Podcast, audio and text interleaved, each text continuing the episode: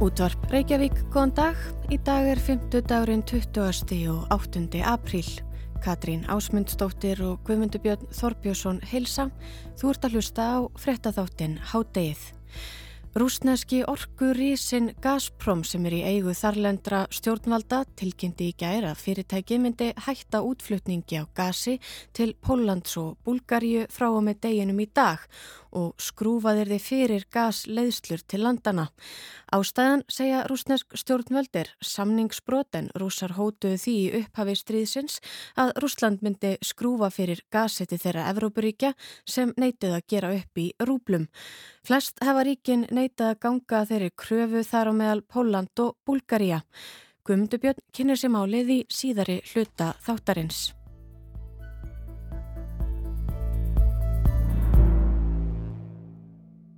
Þann 9. februar hækkaði peningastefnu nefnd Sælabankan stýrivexti um 0,75% steg í ljósi vaksandi verðbólgu. Þá spáði bankin 5% verðbólgu út árið. Ákverðunin var gaggrind á sínum tíma en ymsur höfðu kalla eftir því að Sælabankin færi ekki þessa stýrivakstahækkunar leið eins og forseti Alþjóðsambands Ísland sem sagði vakstahækkanirnar ávísun á kæraskerðingu. Nú er svo von á nýri stýrivaksta ákvörðun frá peningastefnunemdini í næstu viku og samkvæmt hagfræðideild landsbankans verður verðbólgan brattari en Sælabankin gerði ráð fyrir í upphafi árs en hún mæltist 6,7% í mars og deildin spáir því að verðbólgan muni áfram vaksa fram á mitt ár og verði þá 7%. Upp frá því muni taka við hæg verðbólgu hjöðnun. Til að ræða við okkur um hvernig Sæðlabankin og peningastefnunemdin munu hugsanlega bregðast við þessu ástandi er komin til okkar Magdalena Anna Torfadóttir, sérfræðingur hátegisins í efnahagsmálum og bladamæður á frettablaðinu. Velkomin Magdalena. Takk fyrir. Það verður þess að tilkynntum vaksta ákverðun Sæðlabankans í næstu viku. Við hverju má búast heldur þau? Já, þegar stórt er spurt. Ég var með umfjöllun í fréttablaðin í morgun um spár greiningaræðal í þessum efnum. Uh, Viðmælundum mínir eru sammála um það að séu miklar líkur á því að Sælabanki muni taka já, svona frekar stór skref. Uh, Íslandsbanki spáir því að Sælabanki muni hækka vexti um 50 púnta en útilókar þó ekki 75 púnta hækkun. Uh, Arjónbanki og Landsbankin eiga síðan eftir að byrta sína spár þannig það verður spennand að sjá hvað þeir spá. Mm -hmm. Ef ég á að vera spá eitthvað þá er ég sammála, ég tel að það sé líklegt að Sælabankin taki stór skref og ég tel ekki ósynlegt að Sælabankin muni hækka vexti um 50 punta eða jafnvel meira. Uh, en það er samt mikilvægt að hæfa í huga þó séu Sælabankin muni koma til með að halda áfram að hækka vexti, þá eru vextir ennþá sögulega lágir og muni yeah. að halda áfram að vera þar.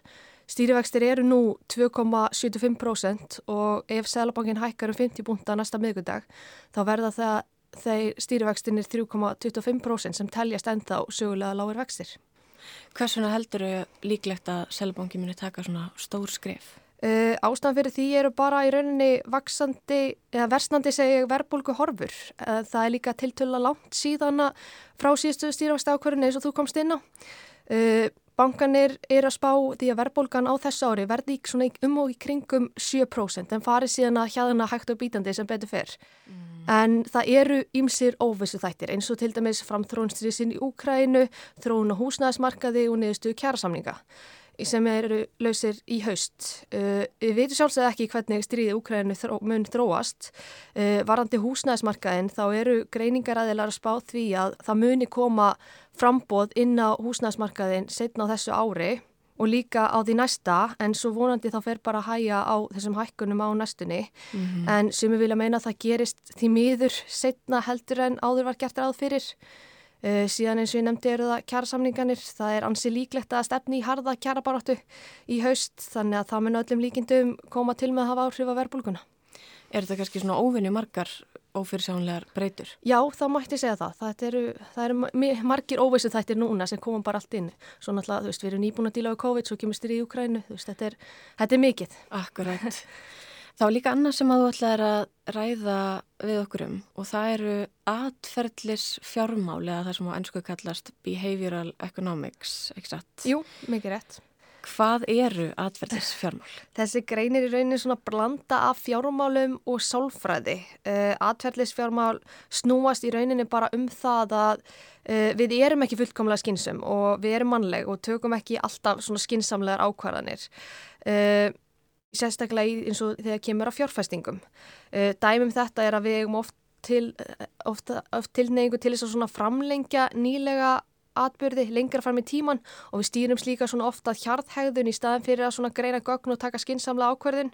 Mm -hmm. uh, þekking á aðferðlist fjármálunum er í raun mjög gagleg og getur svona hjálpað okkur að taka svona skinsamlegar fjárfestinga ákvarðanir og eitthvað bara svona hjálpað okkur að skilja markaðin betur.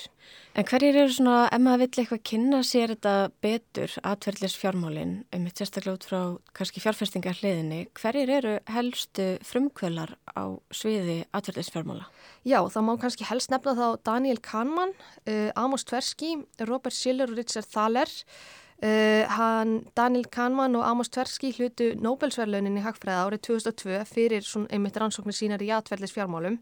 Uh, síðan hlaut Robert Schiller sömu verðlaun árið 2013 en hann spáði fyrir miklu verðfalli verbreyf árið 2000 og varaði mörg ár við húsnæðisbólu í bóksinni uh, og svo hlaut hann Richard Thaler Nobelsverlaunin sem hefur, já hann hefur gegnum tíðina mikið svona verið að rannsaka atverðlis fjármál.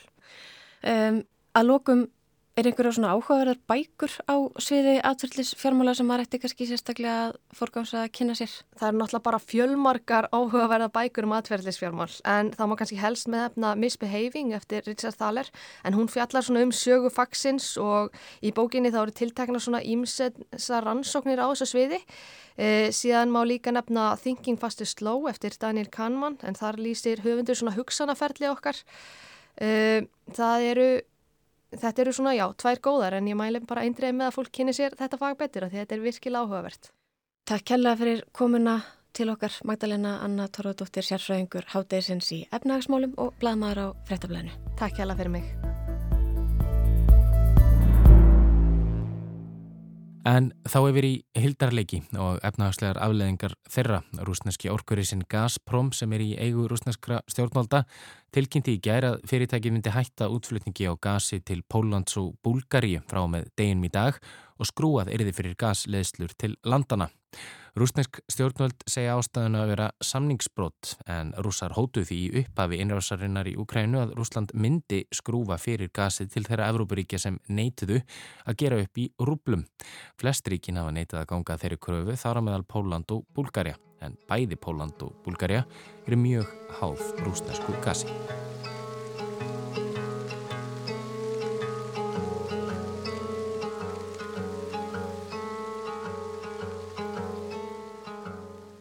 Stjórnendur Gazprom tilkynntu í gær stjórnendum pólska ríkisorkufyrirtækisins PG-NIG að skrúfa þeirði fyrir Jamal gasleðsluna svo kulluðu frá Rúslandi til Pólans í dag. Búlgarska ríkisorkufyrirtækinu Búlgargas barst sambarileg tilkynning skömmu síðar. Pólskir bröðist illa við þessum tíðindum og gáðu þá út að reynd verða að fá Gazprom til að hætta við en það sé bóðuð stöðun á gashölunni samningsbrott. Pólskir ráþeirar fulliftu þó að fréttafundi í gæra að gasbyrðir í landinu séu nægar til að brúa mögulegt bíl og loftslagsráþeira landsins hefur sagt að ekki minni skorta gas á pólskum heimilum. Yfirvöld hafi verið undir það búin að svona geti farið og unnið verða því að draga úr þörf Póllands fyrir rúsneska orku.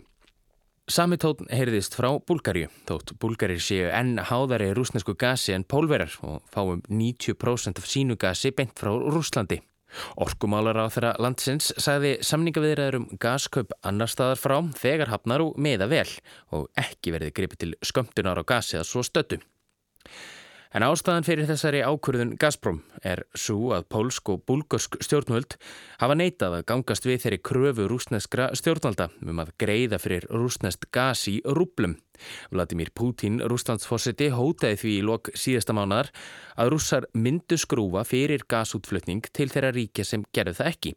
Póland og Búlgari eru fyrstu ríkin sem Putin efnir þetta lofur sett við ef svo maður orði komast, þó svo að vel flest ríki sem kaupa gas af rúsum hafa hingað til ekki gert upp skuldir sínar í rúblum.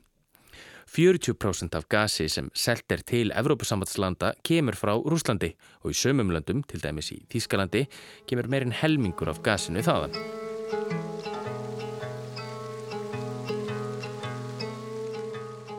Viðbrögð alþjóðsamfélagsins við þessari ákvörðun rúsneskra stjórnvalda hafa ekki látið á sér standa. Úrsula von der Leyen, fórseti framkvæmdastjórnar Evrópusambandsins, gerði ákvörðun rúsa að umtalsefni sínu á bladamannafundi í gær og sagði að tilkynning Gazprom veri enn einn auruninn frá stjórnvaldum í Moskvu. Það er þó ekki að koma neinum á óvart að rússar noti jarðarna eldsneiti til að fjárkúa Evrópusambandsríkin. Gazprom's announcement that it is unilaterally stopping gas deliveries to certain EU member states is another provocation from the Kremlin.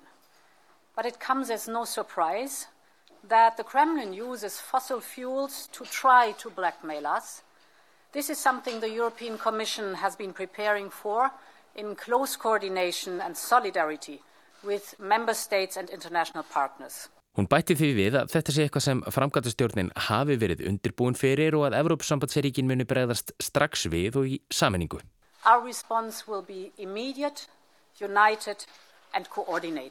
En hver eru þau viðbröð? Von der Leyen sagði að í fyrsta lagi þurfið að tryggja það að ákverðun Gazprom hafi sem minnst tilætlið áhrif á evróska neytendur og bæði Póland og Búlgaria fá nú sitt jarðefnældsneiti frá öðrum Evrópusambandsríkjum.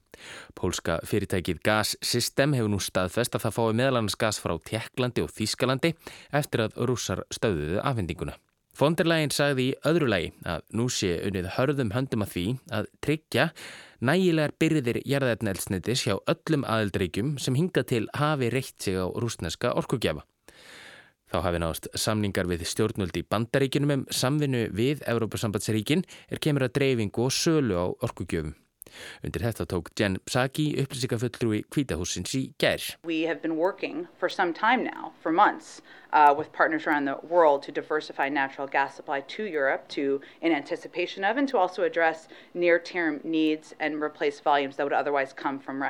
En orð fórsetta frangandastjórnar Evrópasambatsins um að rússar séu að beita aðeldaríki sambatsins og í raun öll þau ríki sem kaupa gas af Rúslandi fjárkúun fóru eðlumálsins samkvæmt ekki vel í stjórnaldi í Moskvu.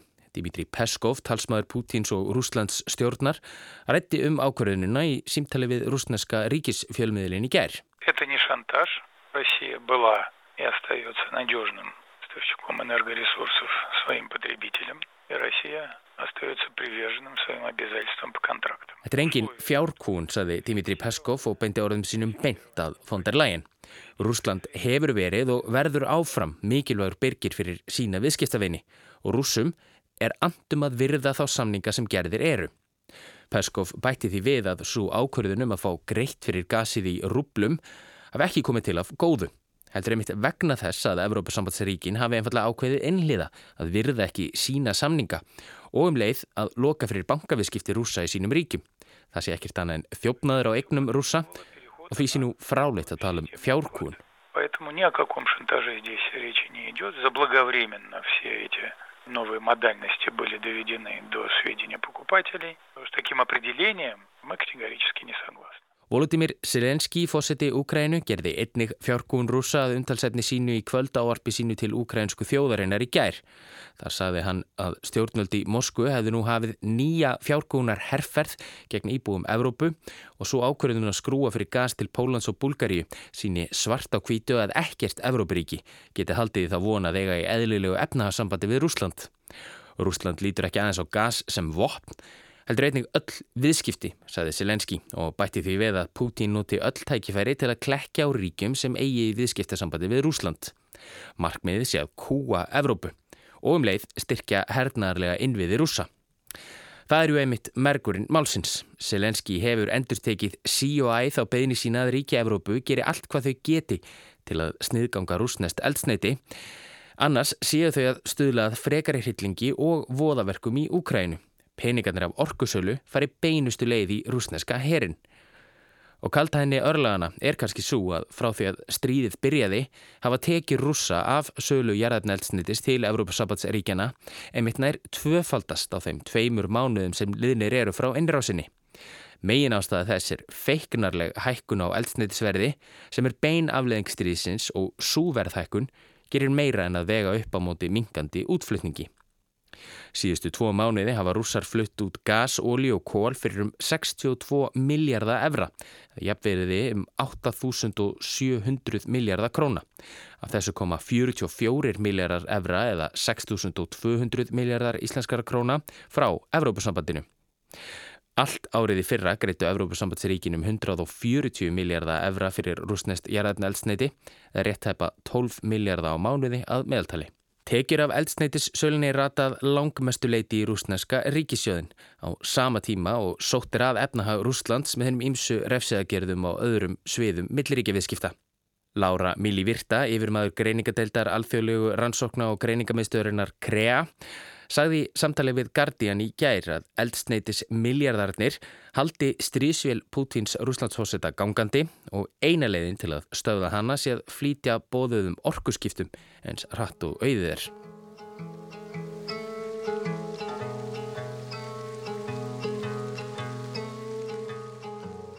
Já, afleðingar einrásar rúsa í Úkrænu eru margskonar. Efnagskreppa, síhækandi orkuverð og orkuskortur er aðeins einn þeirra. Matvæla áallun saminuðu þjóðana hefur varað við yfirvofandi hungusneið vegna þess mikla uppskerubrest sem verður á kveiti og kornugrum í Úkrænu, landinu sem stundum hefur verið kölluð matarkista Evrópu. Og svo mætti lengi telja.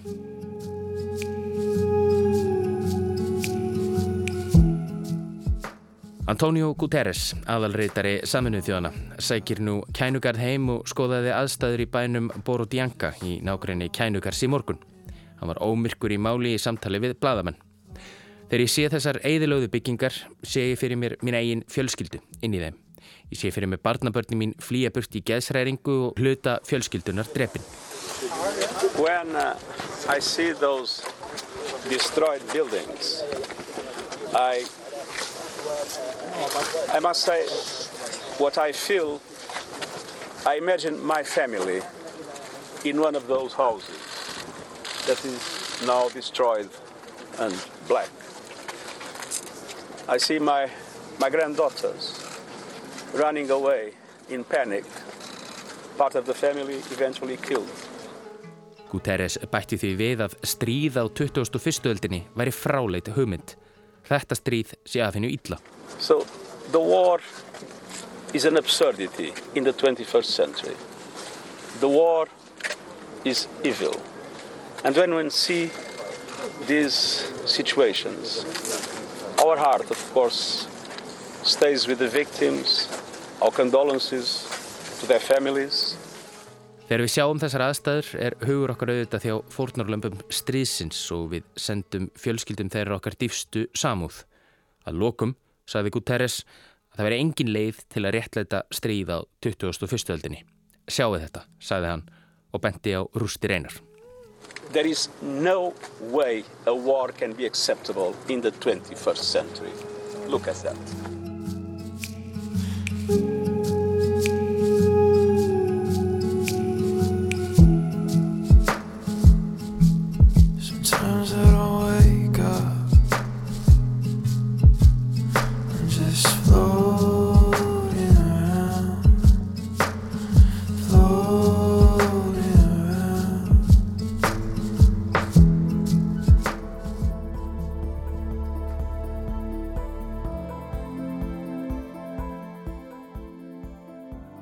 Hátægið er á enda í dag, við verum hér aftur á sama tíma á morgun.